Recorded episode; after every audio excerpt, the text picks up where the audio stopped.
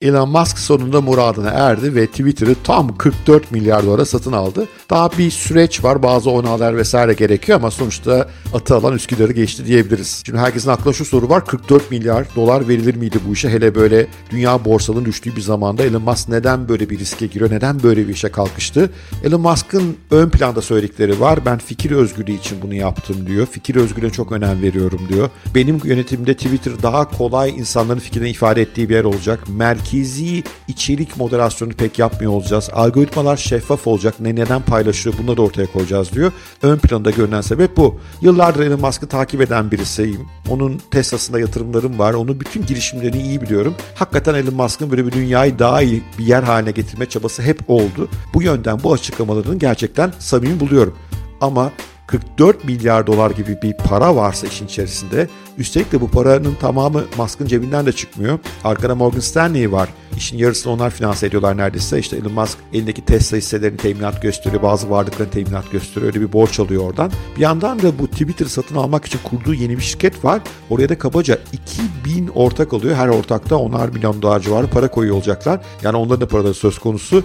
O yüzden bu kadar ciddi bir para varsa işin içerisinde sadece yüce gönüllülükle bunu açıklamak mümkün olmaz. Elon Musk kendisi çok yüce gönüllü olsa bile hem Morgan Stanley hem diğer yatırımcılar bu iş içinde mutlaka parasal beklentilere veya başka bazı stratejik beklentilere sahipler elbette. Elon Musk sadece Twitter'da bir risk almıyor üstelik. Yani evet orada işler kötü gidebilir, parası batabilir ama Twitter'daki işleri nasıl gittiği Tesla'yı da etkileyebilir veya SpaceX'i de etkileyebilir. Mesela Twitter'ı satın alma kararını açıkladığı günden beri Tesla'nın hisse senetleri düşüştü. Dün çok sert düştüler. Dün gerçi borsalar kötüydü ama Tesla daha da sert düştü. Çünkü yatırımcılar korktular. Dediler ki Elon Musk ilgisini oraya mı verecek? Yahut da Tesla hissesini satacak oradaki finansmanı sağlamak için hemen etkilenmeye başladı. Öte yandan Twitter biliyorsunuz oldukça çok politik tartışmanın döndüğü bir konu. Mesela iki gün sonra Çin gelip diyebilir ki Twitter'dan şu içeriği çıkarmanı istiyoruz. Çıkarmazsan Çin'deki fabrikanı kapatacağız gibi. Yani anlayacağınız Elon Musk aslında oldukça büyük bir riskin ve sorunun altına girmiş durumda. Peki arkasındaki sebepler ne?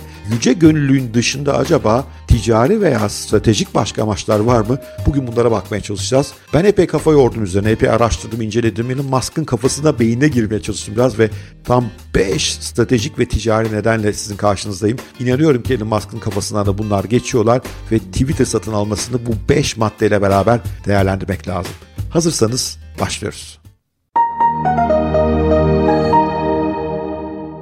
Bence Elon Musk'ın Twitter satın almasının arkasındaki motivasyonlardan bir tanesi elbette Twitter'ın değerini yükseltmek. Yani 44 milyar dolara buraya aldı. Birkaç yıl sonra 200 milyar dolara, 300 milyar dolara daha yüksek bir değere satmak istiyor. Bu gayet de mümkün çünkü diğer sosyal medya platformlarına baktığımızda hakikaten çok değerliler. Twitter yıllardır kötü giden bir şirket. Halka açıldığı günden itibaren Elon Musk satın alana kadar değeri hiç artmadı diyebiliriz. Gelirlerini bir türlü artıramadı. Artı kullanıcı sayısının ciddi bir artış yok. Öte yandan ama çok önemli sosyal medya platformu. Dünyada siyasetin oluşumunda rolü var.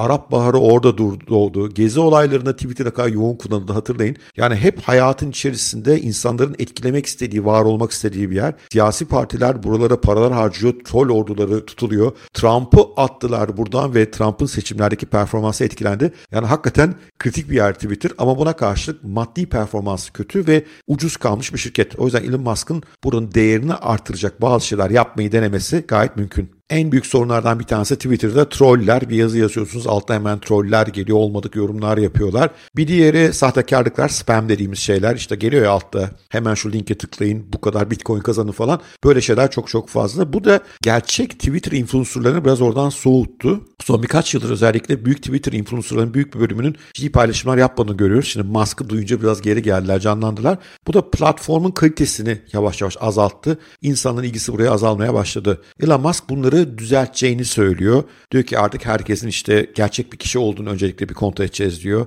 Ve mi çözeceğiz diyor ve bunlar çözülebilir konular. Evet bazı zorlukları var. Teknik olarak çok kolay değil. Sosyal olarak kolay değil. Twitter'ın mevcut kitlesini mutsuz edecek bazı şeylerin yapılması gerekiyor olabilir ama çözülebilir konular ve Elon Musk'ın liderliğinde bunlar çözülür gibi geliyor bana. Üstelik Elon Musk bunları yaparken şirketi halka da kapatacak. Ne demek halka kapatmak? Hisse senetleri şirketin serbest olarak borsalarda işlem görmeyecek. Bunun avantajı ne? Bunun büyük bir avantajı var. Şirket halka açıksa sürekli kısa vadeli yatırımcı baskısı altında kalıyor. O zaman da büyük atımları, değişimleri yapamıyor. Şirketi halka kapattıklarında bu daha mümkün olacaktır. Nitekim eski kurucu CEO Jack Dorsey de dedi ki Elon Musk'a güveniyorum. Halka kapatması da iyi fikir. Çünkü o baskı varken değişim yapmak mümkün değil. O yüzden halka kapanmış, konsantre bir yazılım ekibinin olduğu, sıkı liderliğin olduğu bir yerde bu değişimler gerçekleşebilir ve Twitter parlak günlere ulaşabilir. Bu da Twitter'ın değerini elbette artıracaktır. Böyle baktığımızda Twitter Elon Musk için iyi bir yatırım olabilir. Kıyaslama yapmak gerekirse Facebook'un değeri 500-600 milyar dolarlar civarında, Twitter'ın değeri 40 milyar dolar. Twitter asla Facebook gibi olamaz diye düşünüyorum çünkü Facebook deyince Instagram var, WhatsApp var, fotoğraf var, görsel var. Çok daha fazla kullanıcı var ama bugünkünden daha iyi olabilir ve bu yönüyle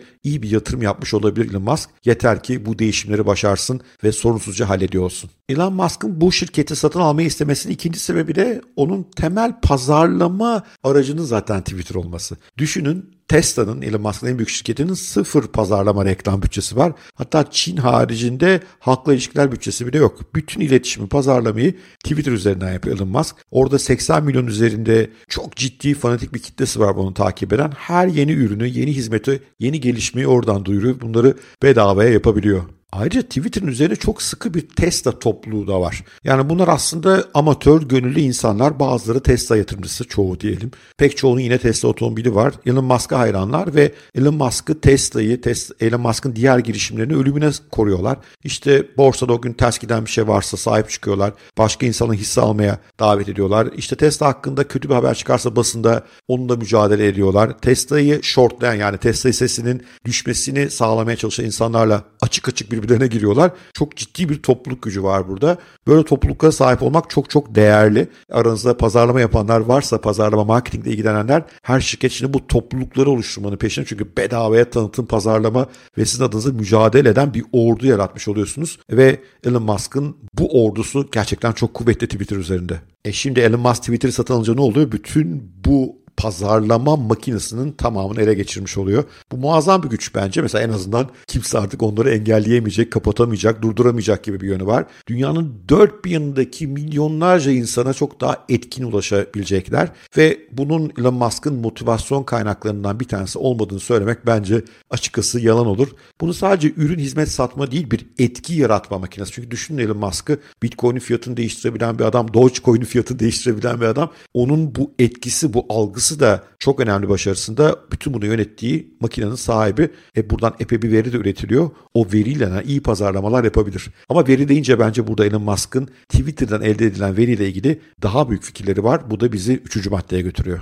Üçüncü madde yapay zeka ve veriyle ilgili. Biliyorsunuz Elon Musk yapay zeka çok yatırım yapıyor. Bir yandan Tesla'da otonom sürüşle ilgili ciddi bir yapay zeka yatırım var. Dünyanın en hızlı merkezi bilgisayarlarına sahipler. Kendi çiplerini geliştiriyorlar. Her gün yollardan milyonlarca Tesla aracı verileri topluyor. Onları akşamları internetten Amerika'ya yolluyor. Merkeze yazılımlar güncelleniyor. Yani tam otonom sürüşe ulaşmaya çalışıyorlar. Ve tam otonom sürüş gerçekten zor bir yapay zeka problemi. Çünkü çok fazla bilinmez var. Çok fazla yol koşulu var. Burada epey ilerlediler. Öte yandan Neuralink diye bir şirketi var. Burada biliyorsunuz yapay zekayı insan beyniyle bağlayıp öncelikle bazı hastalıklarımızı yenmeyi düşünüyor. Daha sonra da belki yapay zekanın gücüyle insan beyninin gücünü birleştirip daha yaratıcı, daha zeki varlıklar yaratma hedefi var. Orada da yapay zeka ile ilgili. Bir yandan da yine Tesla'nın bünyesinde bir insansı robot, humanoid diyorlar galiba onları, bir insanımsı robot geliştiriyor. Gelecek üretime sokacağız diyor. Önce basit üretim işlerini yapacak. E, o da yine yapay zeka ile ilgili. Yani Elon Musk gerçekten yapay zeka ile süper ilgili bir insan. Bu alanda çok da fazla yatırım var.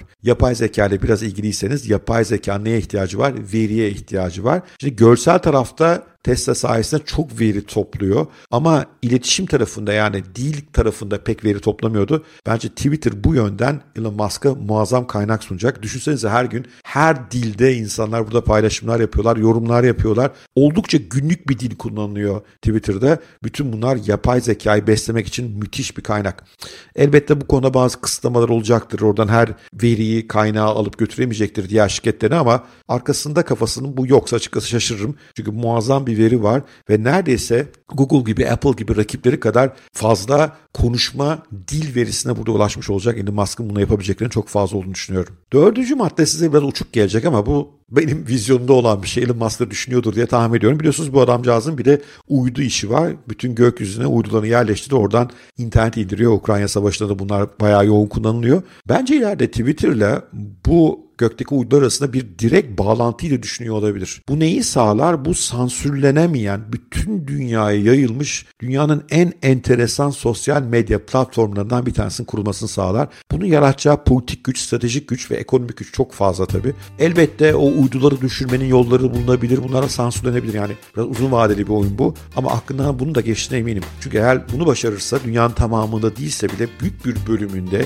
tamamen sansürsüz, tamamen devletlerin kontrolü dışında dışına çıkmış dev bir sosyal medya ağına dönüşebilir bu. Bunun reklam, iletişim, pazarlama gücü ayrı, stratejik gücü ayrı. Elon Musk'ın aklından bunu da geçtiğini düşünüyorum. Biliyorsunuz daha evvel bir video yapmıştım. Elon Musk'ın bir telefonda geliştirmeyi düşündüğünü Pi diye bir model var. Gerçi pek ses çıkmadı o konudan ama akılda bunlar var. Tesla otomobilleri biliyorsunuz aynı zamanda birer iletişim ünitesi. Bütün bunların birbirine bağlandığı ve Twitter network üzerinde insanların özgürce haberleştiği bir dünyayı hayal edin. Çok acayip bir şeye doğru gidiyor olabiliriz. Ama dediğim gibi bu biraz daha vizyoner bir bakış. Beşinci ve son sebebi de bence Elon Musk'ın Twitter'ı satın almasında kripto para.